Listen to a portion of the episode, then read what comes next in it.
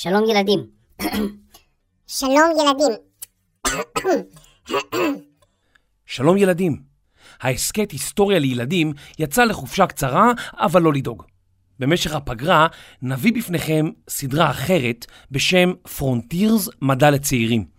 בסדרה הזאת תשמעו על רובוט עטלף, מתי נוכל ללטף ממוטה, מדוע קרחונים נמסים, איך נלחמים בחיידקים, ועל המוח המדהים שיש לכל אחד ואחת מכם. ההסכת נוצר בשיתוף פרונטירס ומוזיאון המדע על שם בלומפילד בירושלים. בכל שבוע נשדר שני פרקים עד שהעונה הרביעית של היסטוריה לילדים תשוב לאוויר. האזנה מהנה. מה זה? מי זה אמר את זה? מי זה אמר את זה?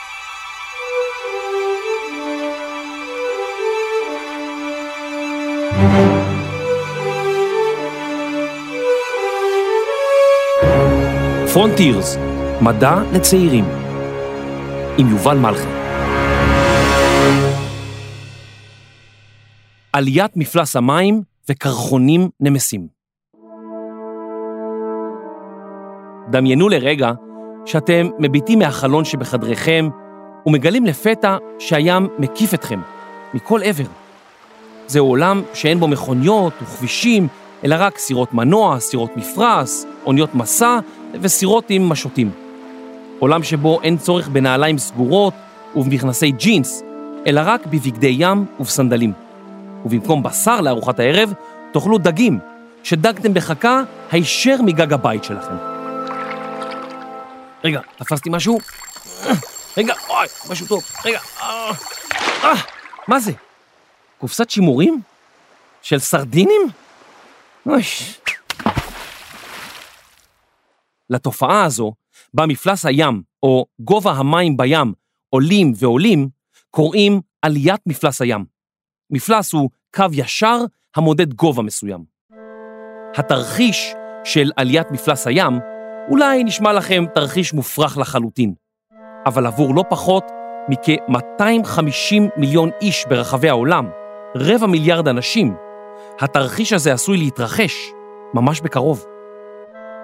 בשנים האחרונות מתרחש בעולם שלנו תהליך שנקרא התחממות גלובלית, ביטוי המתאר את עליית הטמפרטורות בכדור הארץ, שקשורה לפעילות בני האדם. תבינו, מאז ומתמיד היו שינויים טבעיים בטמפרטורות בעולם, אבל אי שם, לפני כ-200 שנה, התרחשה מהפכה ששינתה את כדור הארץ. היא נקראת המהפכה התעשייתית. המהפכה התעשייתית היא כינוי לשורת פיתוחים טכנולוגיים, מעשי אדם, שהביאה, בין היתר, לפיתוח רחב היקף של מפעלים ותעשיות בכל רחבי אמריקה ואירופה. עד עכשיו זה נשמע מצוין, נכון? במקום לרכוב על סוסים, אפשר לנסוע ברכבת ובמכונית, ובמקום לשוט במשך חודשים ארוכים בים, אפשר להגיע במטוס לכל קצוות העולם בכמה שעות ספורות. אבל אז התברר שכדי להפעיל את כל התעשייה הזאת, צריך לשרוף כמויות גדולות של פחם, נפט וגז, חומרים המשחררים לאוויר גזים רעילים, המכונים גזי חממה. הגזים האלו גורמים לעליית טמפרטורות ולשינוי באקלים ובמזג האוויר בכדור הארץ. לפני כ-150 שנים החלו מדענים לעקוב אחר מזג האוויר וגובה פני הים. מאז התגלה שהטמפרטורה בכדור הארץ צמחה במעלה אחת שלמה. עלייה של מעלה אחת בממוצע בשנה בכל העולם אולי לא נשמעת הרבה, אך אין מדובר באמת בעלייה של מעלה אחת, אלא בממוצע של עליית טמפרטורות בכל רחבי העולם.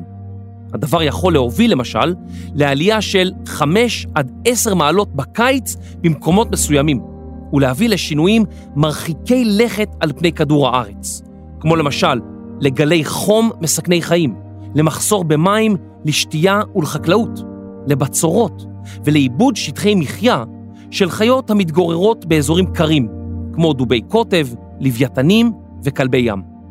ישנן חיות שונות המושפעות מאוד מעלייה במעלה אחת, למשל דבורים. עם עליית הטמפרטורות הן תוכלנה לעוף למרחקים קצרים יותר ממה שהן רגילות. ויותר מזה, שש השנים האחרונות, משנת 2014 ועד לשנת 2020, הן השנים החמות ביותר שנמדדו עד היום בעולם שלנו. אז קצת חם, לא נעים להסתובב בחוץ, אנחנו מזיעים הרבה, אבל מזגן יפתור את כל הבעיות, לא? התשובה היא חד משמעית לא. כיוון שגם מזגן צורך אנרגיה שבייצורה נפלטים גזי חממה, והוא גם פולט חום. ההתחממות הגלובלית גורמת למספר אירועים חריגים, כמו למשל גלי חום וקור, שעלולים להשפיע באופן חסר תקדים על האנושות כולה. ההתחממות העולמית גורמת לתופעות טבע קיצוניות, למשל לשיטפונות, לגלי חום וקור קשים, לסופות טרופיות, לבצורת ואפילו לשריפות ענק. בינואר 2019 התרחש גל חום קיצוני במיוחד באוסטרליה. ברחבי האי נמדדו טמפרטורות של עד 49 מעלות, שגרמו להמסת כבישים, לבצורת ולמזג אוויר קיצוני, שהביא לסופות ברקים עוצמתיות ולשריפות עצומות. גל השריפות הזה נמשך כמעט חצי שנה, ונחשב לחמור ביותר בהיסטוריה של היבשת. לא פחות ממיליארד בעלי חיים מתו במהלך השריפות, ועוד שני מיליארד נאלצו לנטוש את מקומות המחיה שלהם. חלק מהחיות הללו נחשבות לייחודיות, חיות שקיימות רק באוסטרליה, וכעת כמעט איבדנו אותם לתמיד. אבל אין מדובר באירוע אחד, חמור וקיצוני. מדענים בכירים מעריכים כי במהלך מאה השנים הקרובות, הטמפרטורה ברחבי העולם עתידה רק לעלות, בין מעלה אחת נוספת לכמעט חמש מעלות. אם מה שקרה באוסטרליה התרחש בעקבות עלייה ממוצעת של מעלה אחת, תנסו לדמיין מה עלול לקרות בעולם אם הטמפרטורה הממוצעת תעלה בחמש מעלות שלמות. כמה ששריפות הן דבר לא נעים, מדענים אינם חוששים מהם כפי שהם חוששים ממשהו אחר לגמרי, גובה פני הים. לדבריהם, זהו האיום האמיתי על אוכלוסיות רבות, ואולי על כדור הארץ כולו.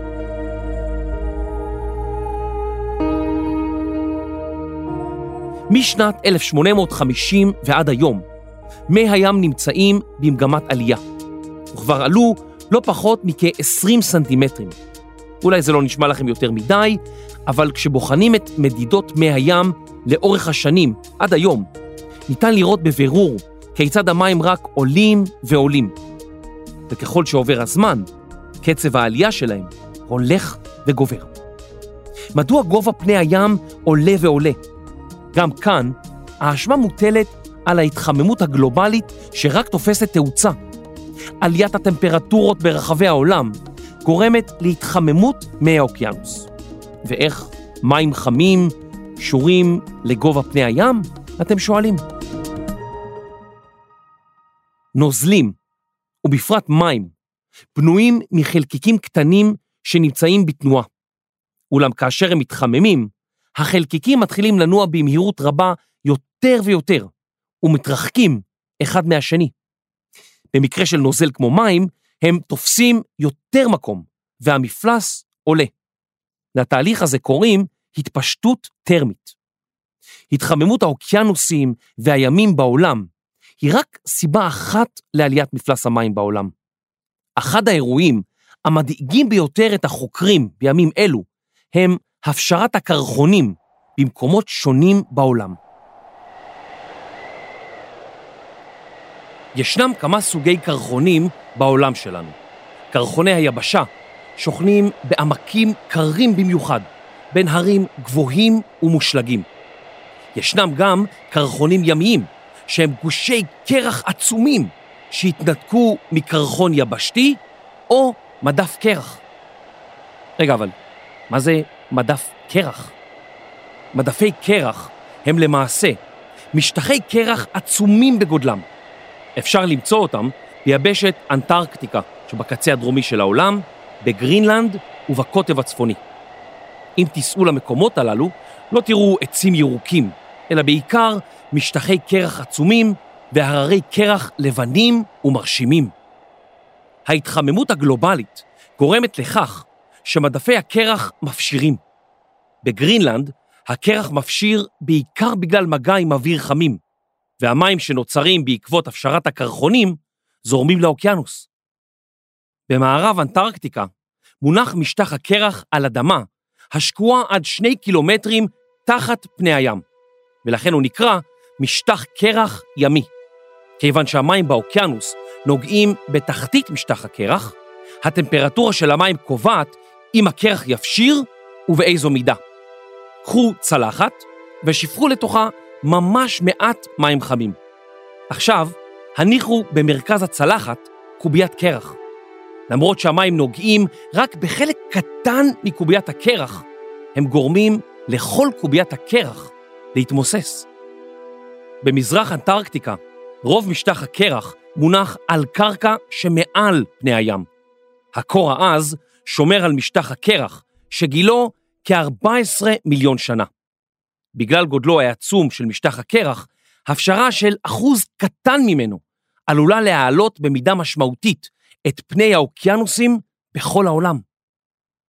על אף שמדובר באזור הקר בעולם, לאחרונה משפיעה ההתחממות הגלובלית גם על אנטרקטיקה.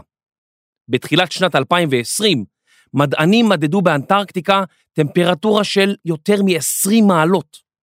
תארו לכם מה קורה לקרח בטמפרטורות כאלה, וכמה מהר הוא נמס. אז איך הפשרתם של קרחוני הענק תשפיע על העולם שלנו? מחקרים מראים שאם כל קרחוני היבשה הקטנים יפשירו, יעלה גובה פני הים באופן מיידי, בחצי מטר. תארו לכם את תל אביב ללא חוף, ואת המים מגיעים עד לרחובות, וצריך ללכת כל הזמן במים.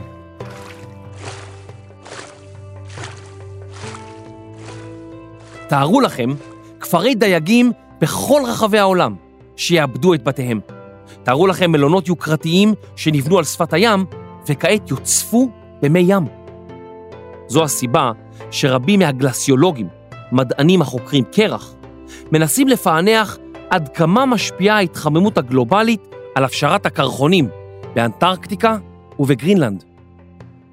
דוגמה טובה למקרה שבו עליית מפלס הים עלולה להיות מסוכנת, היא העיר ונציה שבאיטליה.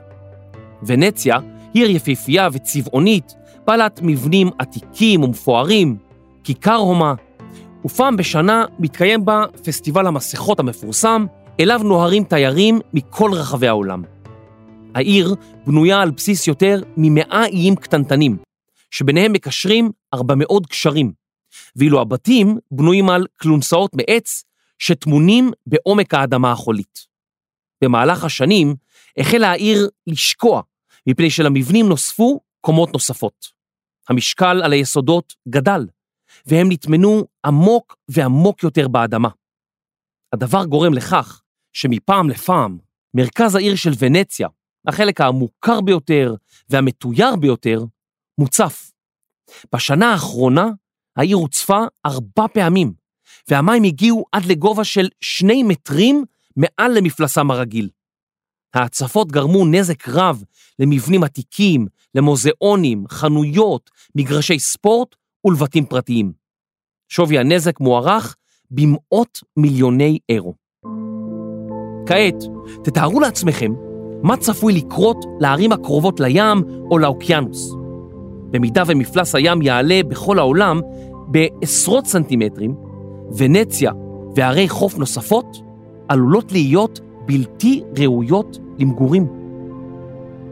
אז נכון, הקרחונים אינם צפויים להפשיר מחר או מחרתיים, וייקח זמן עד שהתהליך הזה יקרה. אבל כבר עכשיו, חוקרים ומדענים מודאגים מאוד. הם מסתכלים בדאגה לעבר מדף הקרח שבמערב אנטרקטיקה, אותו קרחון ימי שמושפע מטמפרטורות המים. בעזרת לוויינים נמדדים בקרחון הזה השינויים בגודלו, ונמצא שב-20 השנים האחרונות הוא הצטמק בעשרות קילומטרים כתוצאה מהתחממות מי האוקיינוס. עוד מעריכים החוקרים כי מגמת ההתחממות רק תימשך, וכי אם האנושות לא תנקוט אמצעי זהירות ותמשיך לשרוף גזים בקצב גבוה, מפלס הים עלול לעלות עד שנת 2100 במטר, ואולי אף במטר וחצי. עליית מפלס הים בגובה ניכר עלולה להציף ערים שלמות, לפגוע בבנייני מגורים, לפגוע באדמות חקלאיות ולהמליח את מאגרי מי התהום, שמשמשים לנו לשתייה ולהשקיית יבולים חקלאיים. אך יותר מכל, עליית מפלס המים תפגע באופן קשה בלא פחות מ-250 מיליון בני אדם, הגרים ביישובים בקרבת קו החוף, וצפויים לאבד את ביתם. החדשות הללו נשמעות נורא, אך האם מדובר במקרה אבוד? האם האדם עשה נזק בלתי הפיך? התשובה היא לא לגמרי, ולאחרונה אף התגלה שהמלחמה בהתחממות הגלובלית נמצאת בידיים שלכם, הילדים. אמנם מי הים ימשיכו לעלות והקרחונים ימשיכו להפשיר, אבל מחקרים הוכיחו שבמידה ומדינות יגבילו את פליטת גזי החממה ויפעלו למצוא תחליפים מזהמים פחות מהגזים, נוכל להאט את קצב עליית מפלס המים ברחבי העולם. כך למשל, במקום שמפלס המים יעלה במטר שלם עד סוף המאה, הוא יעלה רק ב-30 עד 40 סנטימטרים. מדינות וחברות עסקיות מכל רחבי העולם כבר התאגדו במטרה להילחם יחד בהתחממות הגלובלית, שמאיימת על כולנו. אבל דווקא מי שלקחה את המושכות וגרמה להפצת המאבק החשוב לכל בית ובית על פני כדור הארץ, היא גרטה טונברי, נערה צעירה מהעיר סטוקהולם, בירת שוודיה. ואיך היא עשתה את זה? אי שם באוגוסט 2018, לאחר מספר גלי חום קיצוניים שגרמו לשרפות רבות ברחבי שוודיה, החליטה גרטה, תלמידת כיתה ט', לשבות מהלימודים כאות מחאה. היא הפגינה מול בניין הפרלמנט, כמו משכן הכנסת שלנו, בדרישה להפחית את פליטת הגזים הרעילים היוצאת מהמדינה. מחאתה של גרטה יצרה הד בכל העולם, והיוותה השראה לילדים ולבני נוער רבים שהחליטו להצטרף למחאתה. תוך מספר חודשים סחפה גרטה אחריה למאבק נגד ההתחממות הגלובלית, יותר מ-20 אלף תלמידים מכל רחבי העולם שיצאו להפגנות ולשביתות רחבות. היא הוזמנה לשאת נאומים בכנסים שונים ואפילו באו"ם. גרטה מסתובבת בכל הגלובוס, פוגשת ראשי מדינות ונואמת מול מיליוני בני אדם. הנושא הזה בוער בה כל כך, עד שפעם היא אפילו פרצה בבכי תוך כדי נאום, וכבשה ברגע אחד מיליוני לבבות. This is all wrong. I shouldn't be up here. I should be back in school on the other side of the ocean. Yet you all come to us young people for hope. How dare you? המגזין טיים האמריקני בוחר בכל שנה את האיש או האישה שהשפיעו על העולם יותר מכל אחד אחר באותה שנה. בשנת 2019 הם בחרו בגרטה טונברי כאשת השנה שלהם. גרטה היא דוגמה לכך שגם צעירים וצעירות כמוכם יכולים להוביל מאבק עולמי חשוב. ועוד משהו, רגע לפני סיום. בחודשים האחרונים קרה משהו מדהים שאף אחד לא ציפה לו. הקורונה. הקורונה גרמה לדברים שליליים רבים, אבל היא גם הביאה להפסקת הטיסות בעולם, הפחתה בפעילות תעשייתית ותנועת כלי רכב. בכל רחבי העולם נפלטו פחות גזי חממה, צומצם זיהום האוויר, ובמקומות רבים בעולם, בהם יש ארפיח קבוע, לפתע ניתן היה לראות שמיים כחולים. בוונציה, עליה דיברנו בפרק, לא נראו תיירים כבר כמה חודשים, והמים בתעלות ונציה חזרו להיות נקיים כפי שלא נראו כבר עשרות שנים. אולי המים הנקיים והשמיים הכחולים יעזרו לשכנע ראשי מדינות כי יש לעזור לסביבה ולחשוב על הדורות הבאים ולא רק על עצמנו. אם אתם אוהבים את כדור הארץ שלנו, את הערים, הנופים, את היערות ואת חופי הים, אתם יכולים ללמוד על הנושא ולהבין את הדעות השונות הקיימות בעולם. ואולי גם אתם תצטרפו למאבק זה או אחר, ותשפיעו על הדרך שבה אנו מתייחסים לכדור הארץ היקר שלנו. כשאתם הולכים לקניות, הביאו עמכם שקיות רב פעמיות. נסו לחסוך בחשמל, מחזרו כמה שיותר. נסו ללכת ברגל או לרכב על אופניים במקום לנסוע במכונית. שמרו על הסביבה שלכם נקייה. הצטרפו לקבוצות המנקות את החופים והטבע שלנו. והכי חשוב, צאו לטייל בטבע. ככה תדעו בדיוק על מה אתם שומרים. אנחנו ממש רוצים לשמוע מכם. הצטרפו לקבוצת הטלגרם שלנו, פרונטירס מדע לצעירים, ושתפו אותנו. פרונטירס הינו כתב עת מדעי דיגיטלי חינמי לילדים ובני נוער. המאמרים נכתבים על ידי טובי המדענים והמדעניות בארץ ובעולם, ונסקרים על ידי צעירים. כתב העת יוצא לאור בישראל על ידי מוזיאון המדע על שם בלומפילד בירושלים, ובניהולו המדעי של פרופסור עידן שגב מהאוניברסיטה העברית. תודה לכותב המחקר, פרופסור מרטין סיגר. עריכת המאמר לשידור, מיכאל אוריה. עריכת לשון, דינה בר מנחם. מיקס, אפקטים וניהול מוזיקלי, אסף רפפורט. מפיק ראשי, רני שחר. תודה לצוות מוזיאון המדע ופרונטירס, פרופסור עידן שגב, מאיה הלוי ודוקטור גליה זר כבוד. הפרק הוקלט באולפני סוף הסטודיו. אני יובל מלכי. נתראה בפרק הבא.